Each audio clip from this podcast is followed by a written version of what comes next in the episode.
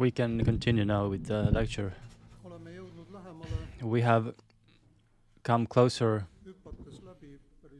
to our time.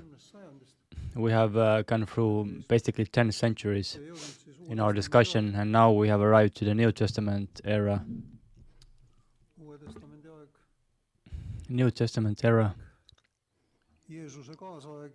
or the time of Jesus, Jesus' life on earth and his disciples. Here the word diaconia uh, becomes evident or comes forth.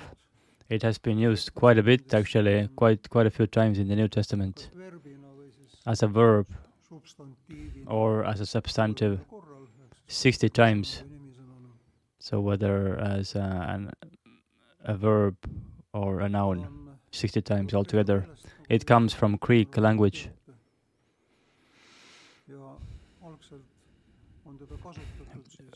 Initially, it was used in the meaning of service or serving, but more specifically in serving in the table. And you can also see Luke 12 and 17 ja võib Johannese kaksteist or John 12 nii mõneski teises and also we can find it from other passages as well. kui, kui Jeesusest ja When Jesus, piiridest edasi minna, if if we go uh, if we move on from Jesus and his disciples, then this word siis diaconia has also been used tähenduses ka Pauluse quite a bit by Apostle Paul in different meanings. mitte enam nii spetsiifiline lauateenimine, This is not so specifically in serving the table anymore, but it also means, uh, you know, Rooma kiri 15 ja collecting money for the poor. Roman 15 and 2 Corinthians 9, Paul uses this word in the, in the service of, uh, in the sense of serving, uh, raising money for the poor. And then later, this um, word starts to mean not only activity but also a profession or position. But uh, this profession of diaconia is ra- rather wide. We can also consider this as an apostle's profession. Apostle is an important, interesting word as well. That uh, means angel or messenger in the original language. And the word is being used in different forms for men and women. They also talk about serving kings, serving God, um, you know, when using this name, s- serving Christ, uh, serving uh, justice, serving sin.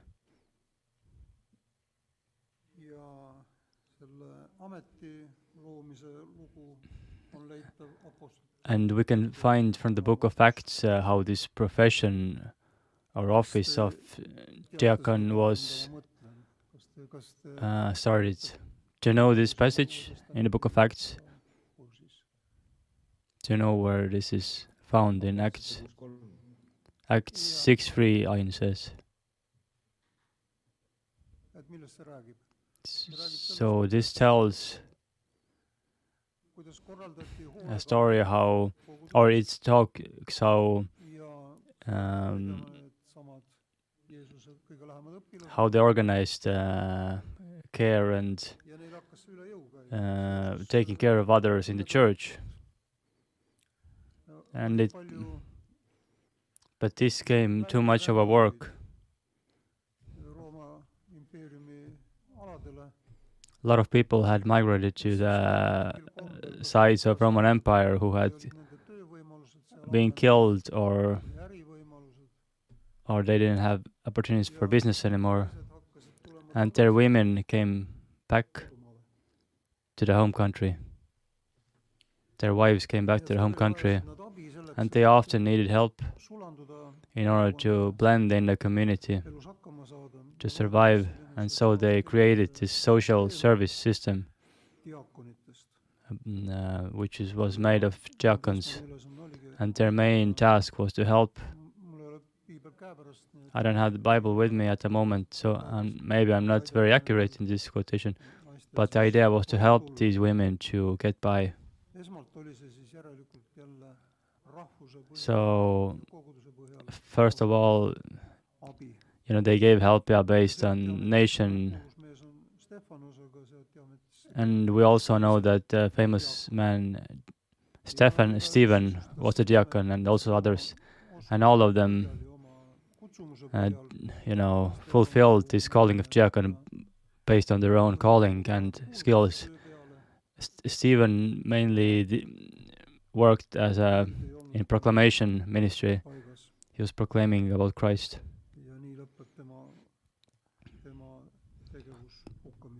and uh, and he was executed because of his work and what he did, but and because of his witness. But Christians lived in small groups. They had to support each other and take care of each other.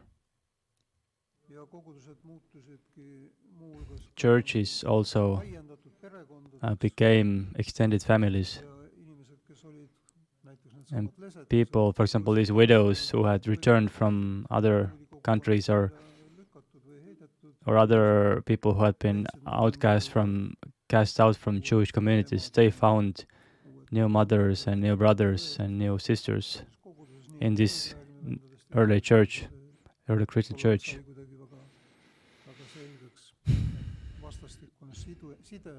So it became evident back then that I mean these bonds, you know, helped them to survive, and the father of these families, so to speak, of course, was in heaven. He's in heaven.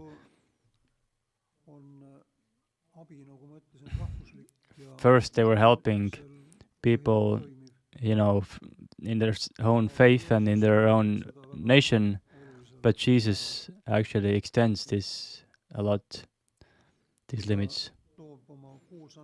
He gives this famous example about Samaritan who finds, um, you know, a guy who was beaten, and Samaritan helps him. And Jesus actually often gives foreigners, sets foreigners as example to Jews, and says that their care and their faith is actually stronger than that of the Jews in some sense.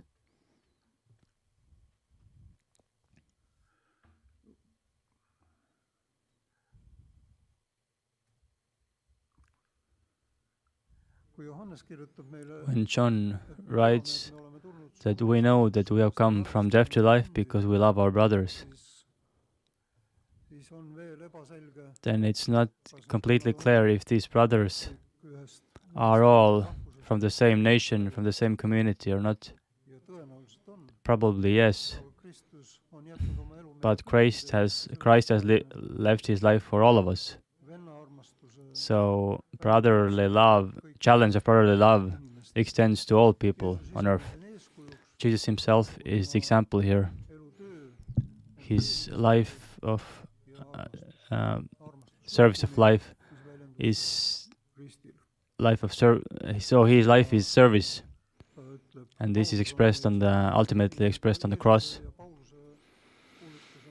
Jesus' and paul's proclamation is mostly similar but when Jesus mostly proclaims uh, god's kingdom and loving your neighbor then paul emphasizes that crucified christ is in the middle of the proclamation and is somebody should proclaim another type of the gospel then this is not the right thing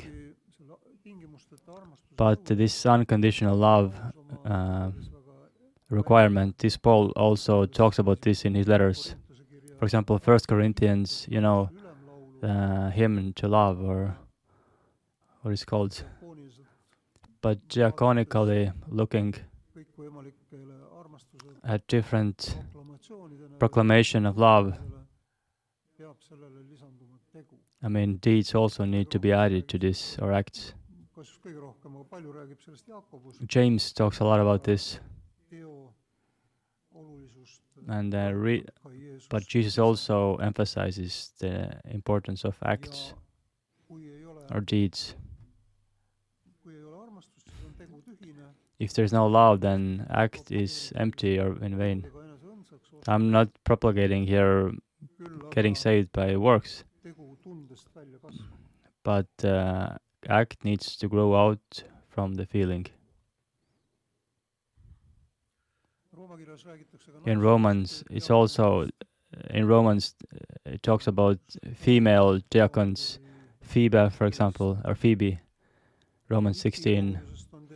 We know in Philippi, Philippi church, Philippians, there were also diakons.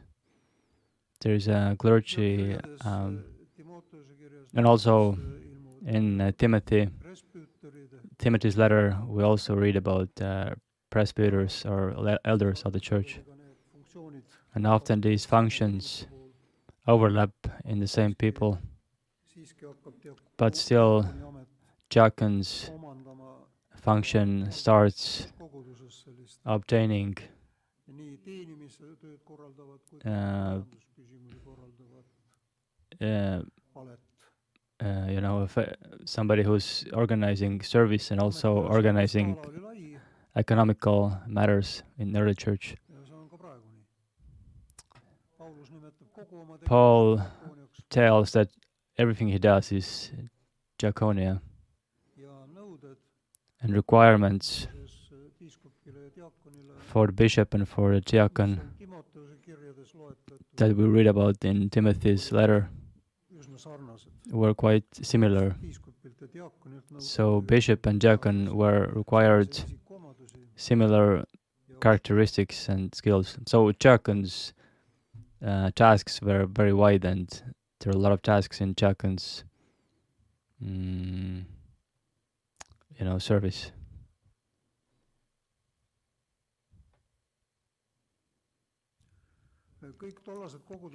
All of the churches uh, back then lived kauaks neid on. in a in a state that they didn't know how long they can exist. They were waiting for Jesus' second coming. They were proclaiming proclaiming the apoc- mis peaks nagu apocalypse or the end of the world see sõna tähendab that was coming. kõrvaldamist ja see The word apocalypse means unve- taking to cover away or unveiling something and getting new clarity of something, a new situation.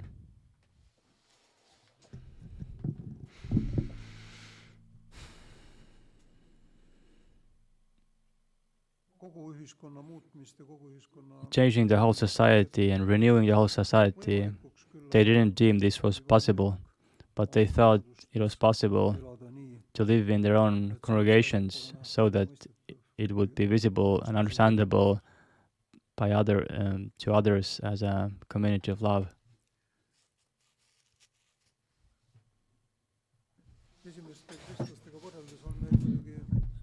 In compar- comparing with early Christians, our contemporary situation is of course different, and because of this, we should, in addition to practical care, we should more and more take prophets as examples who did political mööda Church cannot overlook in their en- environment uh, uh, injustice and bad governance.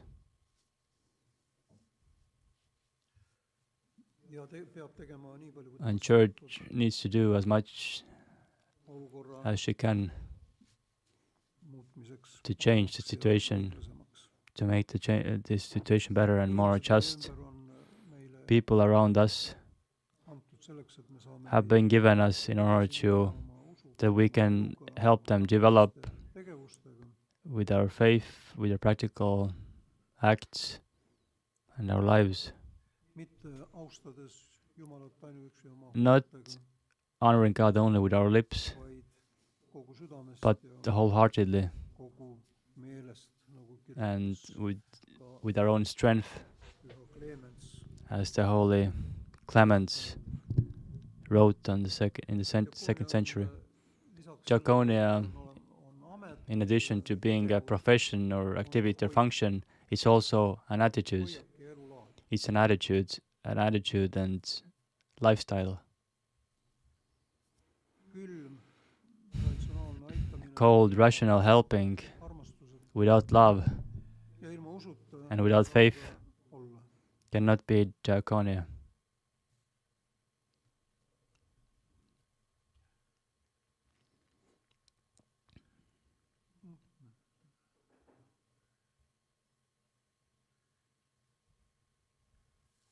Eestis hakkas ütleme nii veel et et kui Let me also add that While the New Testament diaconia was taking care of your neighbor or those who were in need, and it was a love was the sign of the church, and this was expressed in practical deeds. Then over time, mm, specific uh, institutions, organizations that väga served, uh, dealt with care started to raise up. I'm not going to talk a lot about the monastery system of the medieval age, but I do want to mention that the monasteries were often uh, uh, development engines of their area, and also that's where they took care of people. Families often sent or sometimes sent their children, their daughters, to monasteries, or even men who were to become clergies.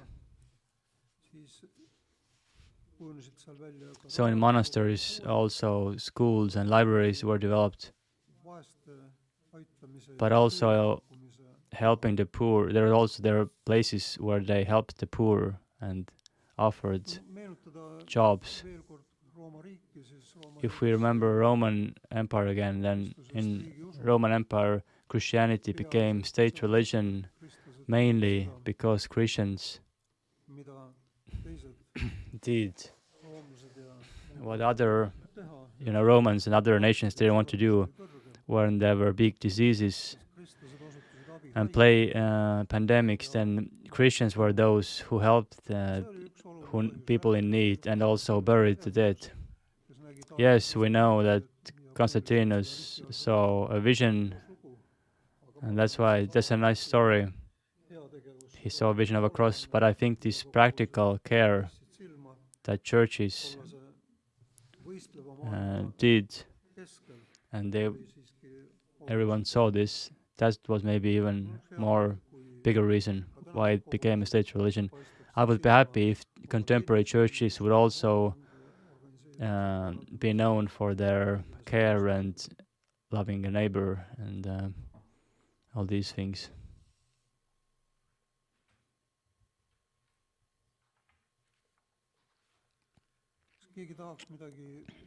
Somebody wants to add or something or ask about this early church diaconia work and after that medieval diaconia work or how this term has developed over time.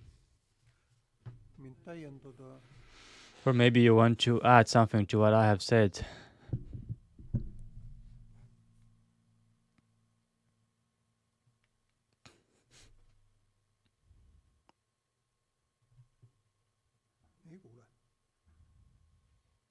Nobody wants to comment. Okay.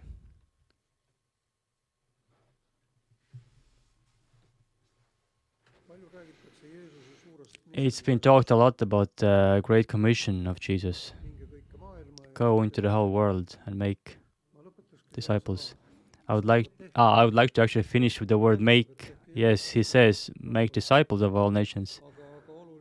But it's important that we would go into the world and do something for the sake of our neighbors or other people. So Christianity, even though there have also been other virtues, but Christianity by its nature is social and open and involving religion or faith. Uh, separation can be important in some periods, like Jesus went to the desert for a while, or longer fasting and prayer periods of people. But the whole life needs to be directed outside not to oneself. iseendale võib suunata You can, yes, certain periods you can direct yourself uh, in order to develop yourself and to restore or study, something, but the whole life needs to be directed tähenda, see ei outside. tähenda mitte ainuüksi nagu minna teise It doesn't mean that you're going to another village or another city, but this means erinevate müüride ületamist, that they are overcoming different obstacles and barriers and borders that people have built between different groups. So we need to go out to people living in different situations, bringing their the gospel, the gospel message, as well as gospel expressed in deeds. so diaconia is a gospel expressed in deeds Correct. acts. Diaconia is the gospel expressed in deeds. Jesus gave a model or example to his followers, He- serving love and responsibility for your neighbor. That was the example that Jesus gave readiness to serve. He needs to Consider the local needs that people have. So we don't need to do what we like the most necessarily, or we don't have to think that that one uh, cure, I mean, one medicine cures every disease. But we need to direct our help to specific local needs that people have, and for that we need to learn ourselves all the time. Also, contemporary crisis places us in a situation where we need to learn more and more and obtain new skills and capabilities in order to share and to bear burdens together with those who are struggling who are oppressed, who are uh, who need to flee and whose human dignity has been harmed.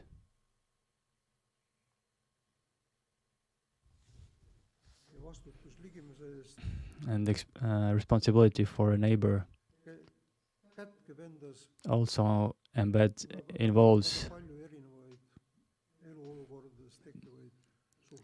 different relationship uh, relationships that happen in different situations in life.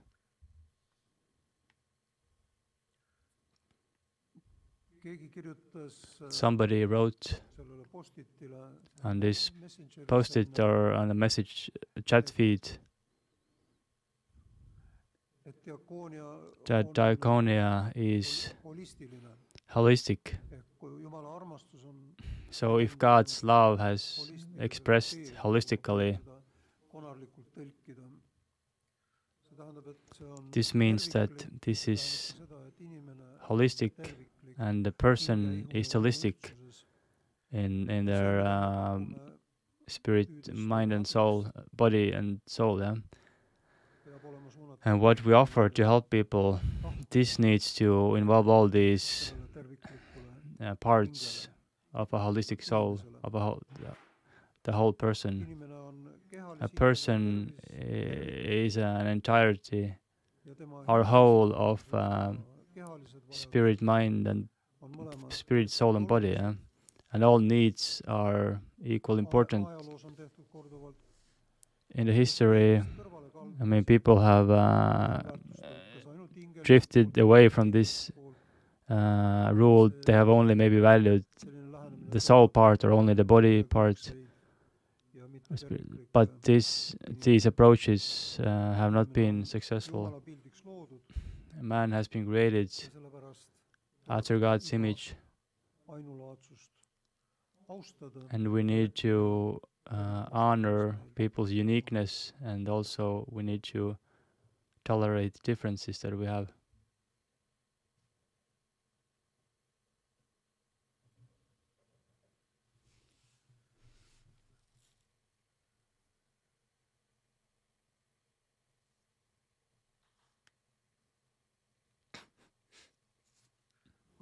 võtate, selle jaoks jõudu? But where do you get strength? kust te võtate Where do you get strength in order to maailmas sageli teid kohtavat lootusetust ära võita. to win the hopelessness in the world? Yes, I know you say you get your strength from your faith, kui te suudaksite but I would be happy if you also can express this uh, differently. So, what does it mean if you say that your faith gives you strength? Anyone wants to say what what do you really mean if you say that?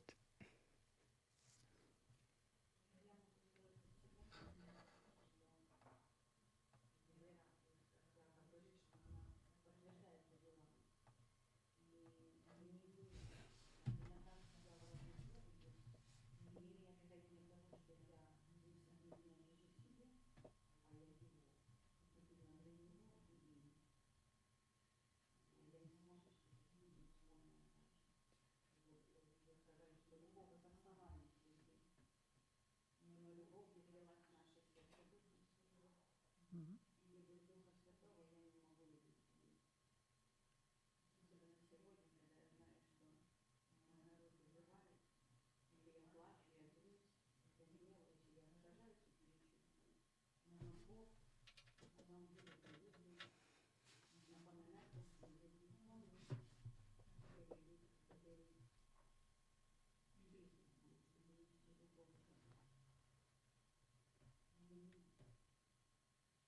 Спасибо. Может, придется текст.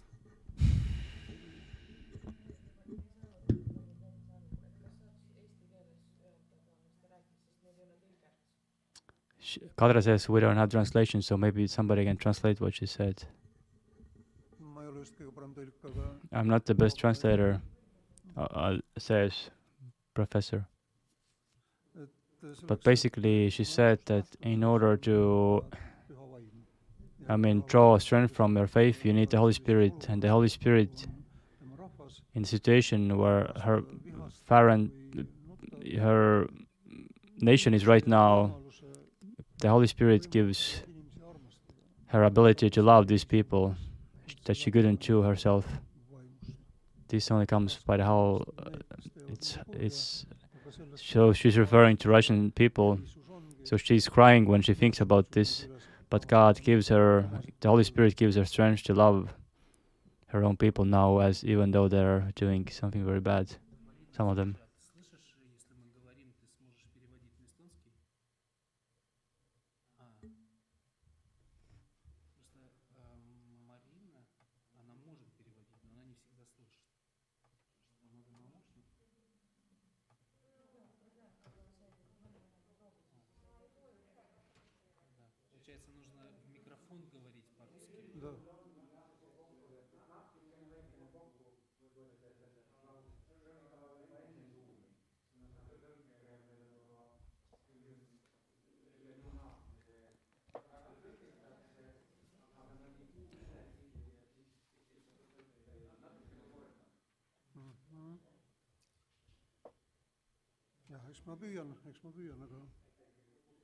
They're talking about translation question that professor will try to sum up a little bit um, statements or comments in Russian. sinu kord oli. But she wants to say something. Hanna, oh, Kadre. Kadre says, in my own work, I'm working in medical care. Uh, maybe I cannot call it a diaconia work per se, but I have same challenges in my work in ambulance. And if I say that I can do my work because of my faith, I ha- it means that I have a hope that it's not my work, it's not me doing this, but everything that I do, even hard situations, ultimately I can trust them in God's hands. I myself, I mean, I don't have to think that I'm doing everything out of my own strength. That's what Kadra says.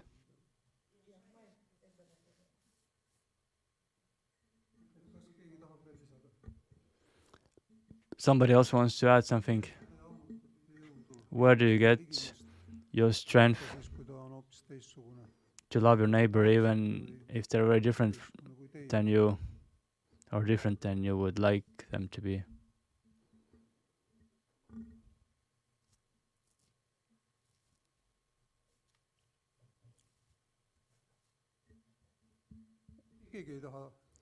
Nobody wants to comment.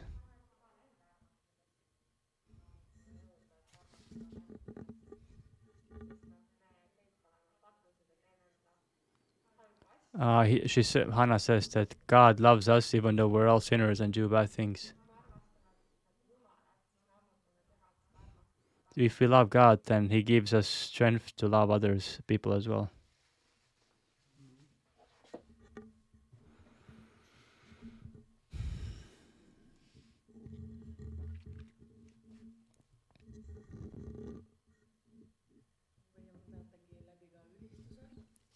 Uh, she says through worship, I get strength. Worship is a place. Sin- Since I'm in the worship team, then it's important for me. I believe that.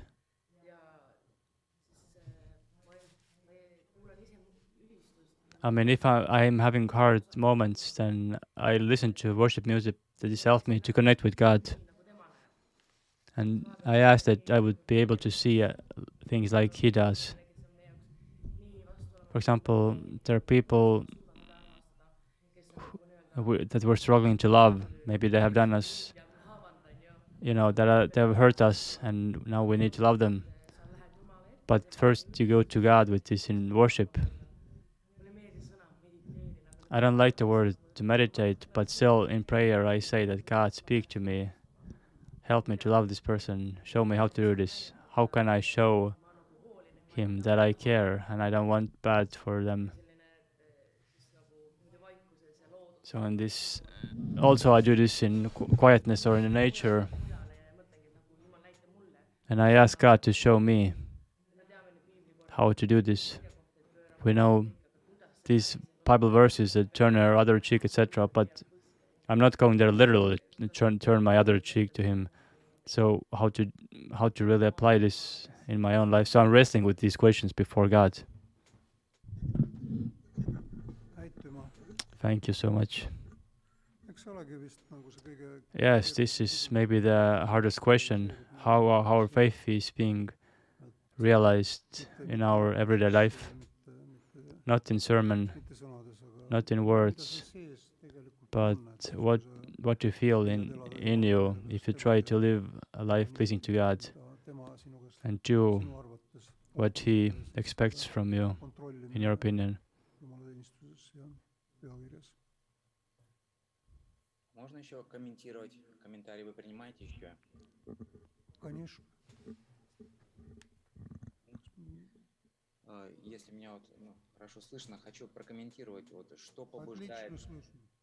ага, что побуждает э, верующего человека заниматься э, диаконской работой. да, What допустим, если makes посмотреть, a believer вот, волонтерство, do волонтерское diaconal work? служение. Мы знаем, что люди, есть люди, они даже не верующие. For example, if we consider они volunteers, волонтерами, э, допустим, Greenpeace, even собирают non-believers которые become volunteers like Greenpeace and other organizations. достают из моря. То есть они Maybe работают на they работе, у них есть Clean семьи, up the но они nature. they have other jobs and they have their families, but despite this, they go and do voluntary work. And I think this is associated with people's understandings. For example, a person has understanding that he's responsible for our planet, and that drives them to go and work for free and to serve the world with this and to serve our planet. And if we talk about Christians, when I came to God myself 25 years ago, I remember that my first desire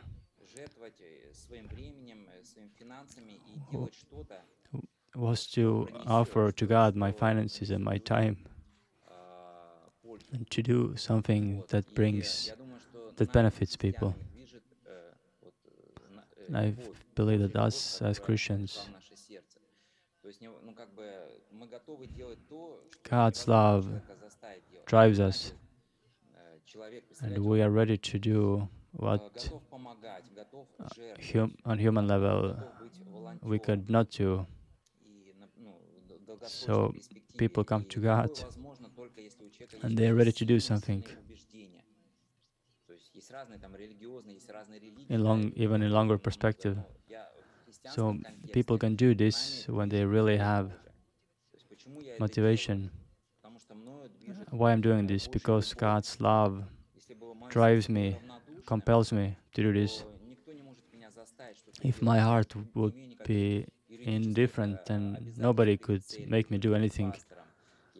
I have no legal responsibility before pastor or, or, before the church. I don't have to do anything, but I do all these things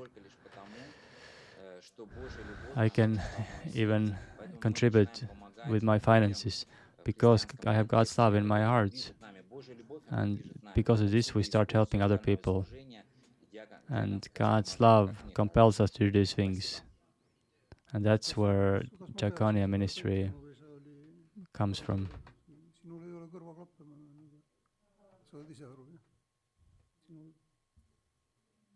She, he asked if we're if we're able to understand. Now I heard the translation, so that's why I was able to translate what he said. Stanislav said.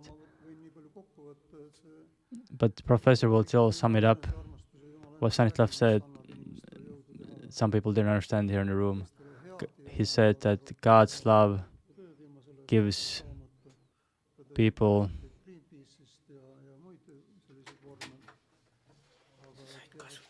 ma sain kasutada jah, tema aga ma ei tea, kes siis teistel ei kuulnud või mis.